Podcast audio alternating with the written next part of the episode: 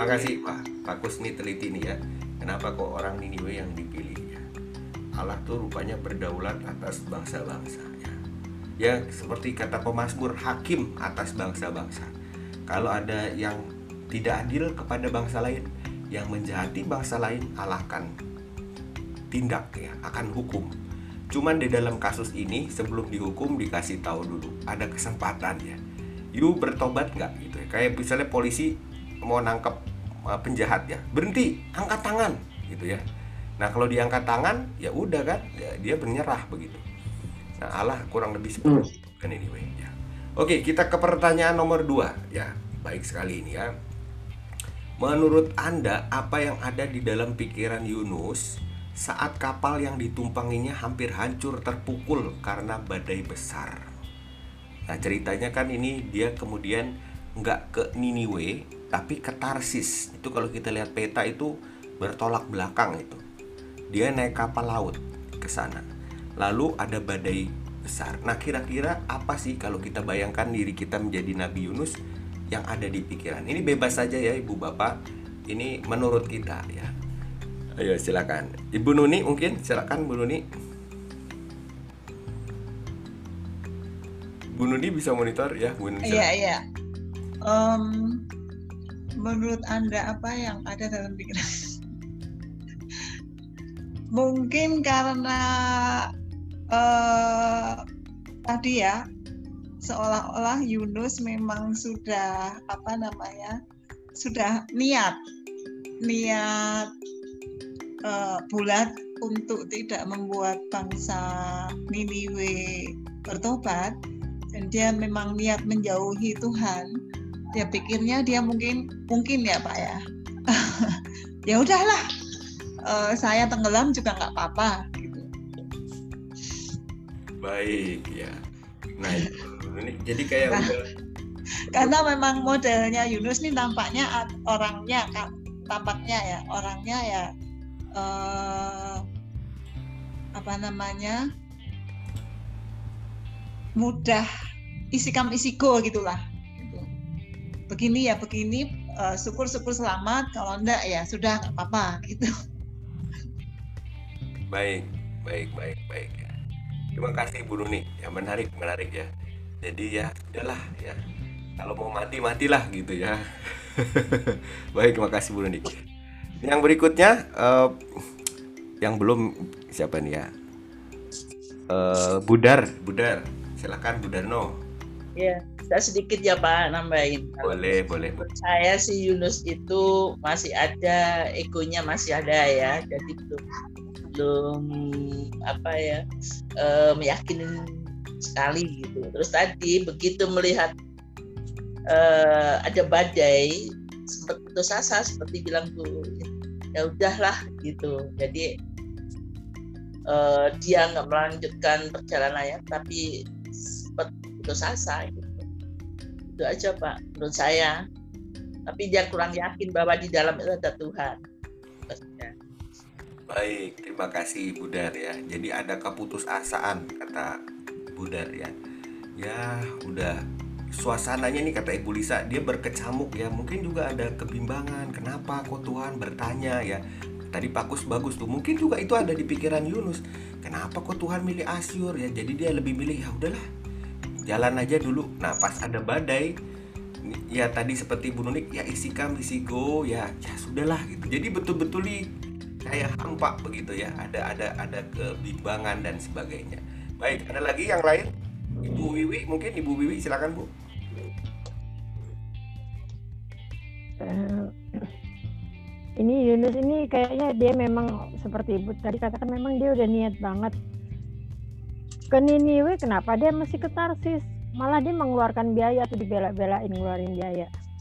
Ya dibela-belain memang niatnya ah malas juga nih sama Tuhan. Orang jahat aja dibelain gitu. Malah nyuruh dia lagi gitu. Jadi dia kayaknya seperti nggak mau antara mau nggak mau nggak taunya dia naik kapal malah kapal itu yang dipakai Tuhan untuk memperingatkan dia gitu. Sepertinya seperti itu pak. Memang dia udah niat banget nggak mau nih oke nah kira-kira kira-kira bu waktu kapalnya itu kena badai itu yang ada di pikiran Yunus apa? Malah, dia tidur Oh tidur ya, oke. Nah, tidur cuek aja bodo amat deh. Baik ya. Sip, sip. Jadi kita sepakat ya. Jadi memang nih Yunus nih bener-bener tadi Ibu Wiwi bagus nih teliti ya. Ini nih kapal dia bayar loh ya. Dia keluarkan biaya perjalanan tadi. Niat niat banget ya. Niat ya. Niat untuk ngindar gitu ya. Oke, bagus. Iya.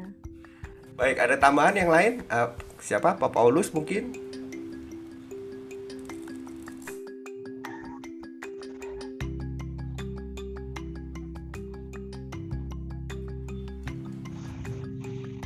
Belum ada Pak Bambang. Pak Bambang, ayo Pak.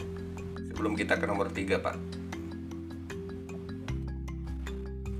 sama sama ibu-ibu tadi itu mungkin kan uh, mungkin Yunus berpikir bahwa ketika ketika kapalnya itu sudah dihantam ombak mungkin berpikir wah kapal ini pasti akan hancur lah. Kalau kapalnya hancur kan dia mati. Mati kan sama-sama bersama-sama dengan kapalnya dia tenggelam. Dia pikirannya begitu mungkin ya. Terus dipikir kalau kalau dia mati ya sudahlah persoalannya dia sudah selesai. Maka lebih baik begitu dia bilang gitu. Makanya dia turun ke bagian bawah udah tidur tidurnya. ya gitu pak jadi uh, dia terbebas sudah terbebas dari persoalan-persoalannya dengan tugas-tugas kenabiannya itu Baik. gitu pak Jadi Yunus ini kita bisa simpulkan setia setia untuk nolak ya. Setia yang jelek ini. Udah biaya bayar biaya perjalanan, udah badai ya sudahlah ya. Jadi dia malah pergi ke bawah tidur. Oke. Bagus, kita ke pertanyaan berikut ya. Jadi kita makin mengenali nih ya, ada apa dengan Yunus. Nomor tiga, mengapa awak kapal tidak langsung mencampakkan Yunus ke dalam laut setelah mereka mengetahui bahwa Yunuslah yang menyebabkan badai besar itu. Ya jadi saya uh, kupas sedikit ceritanya ya. Ketika badai awak kapal kan takut ya. Semua ya di udah barang-barang secara teknis dicemplungin ya. Lalu uh, nakodanya kemudian ke bawah, waduh lagi tidur. Kok kamu tidur ya? Wah, siapa sih kamu? Cerita dah Yunus ya. Saya ini nabi Tuhan, saya disuruh ke, ke Niwe tapi saya lebih milih ke Tarsis. Waduh, cilaka ini ya. Rupanya kamu ini nih. Ya, sebelumnya sih minta suruh berdoa begitu ya, ada ceritanya begitu.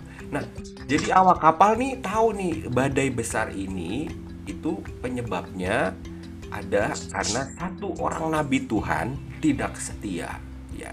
Tapi pertanyaannya ayat 13 Mengapa kok ini mereka tidak langsung cemplungin Yunus? Saya bacain lagi ayat 13 ya Ibu Bapak. Dalam uh, pasal 1 ayat 13 begini. Lalu berdayunglah orang-orang itu dengan sekuat tenaga untuk membawa kapal itu kembali ke darat. Tetapi mereka tidak sanggup sebab laut semakin bergelora menyerang mereka. Menarik ya Ibu Bapak, kenapa kok mereka nggak langsung nyemplungin Yunus ini ke dalam laut. Silakan berbagi. Siapa yang mau berbagi duluan boleh bebas saja. Atau saya minta ya. Uh, uh, Bulisa dulu deh. Bulisa silakan Bulisa. Ya Pak, uh, kenapa uh, itu tadi ya yang apa apa sih nama atau siapa sih tadi uh, awak kapalnya ya? Ya. Uh, mungkin uh, selama ini kan selama dia menjadi awak kapal belum pernah ada terjadi kondisi seperti ini kan. Nah, mungkin pas dia lihat ada nih seorang nabi gitu kan atau aku nggak tahu juga apakah si awak kapal itu sudah mengenal Yunus sebagai nabi atau enggak gitu namun mungkin dia bisa melihat uh, sebenarnya dia mungkin ada mata rohaninya ya dia bisa melihat bahwa ini nabi uh, lalu lebih baik di ditanyakan dulu gitu. Jadi aku lihat sih dia orang yang baik juga ya. Awak kapal itu baik. Artinya mereka tidak langsung menjustifikasi, langsung buang saja tidak gitu kan.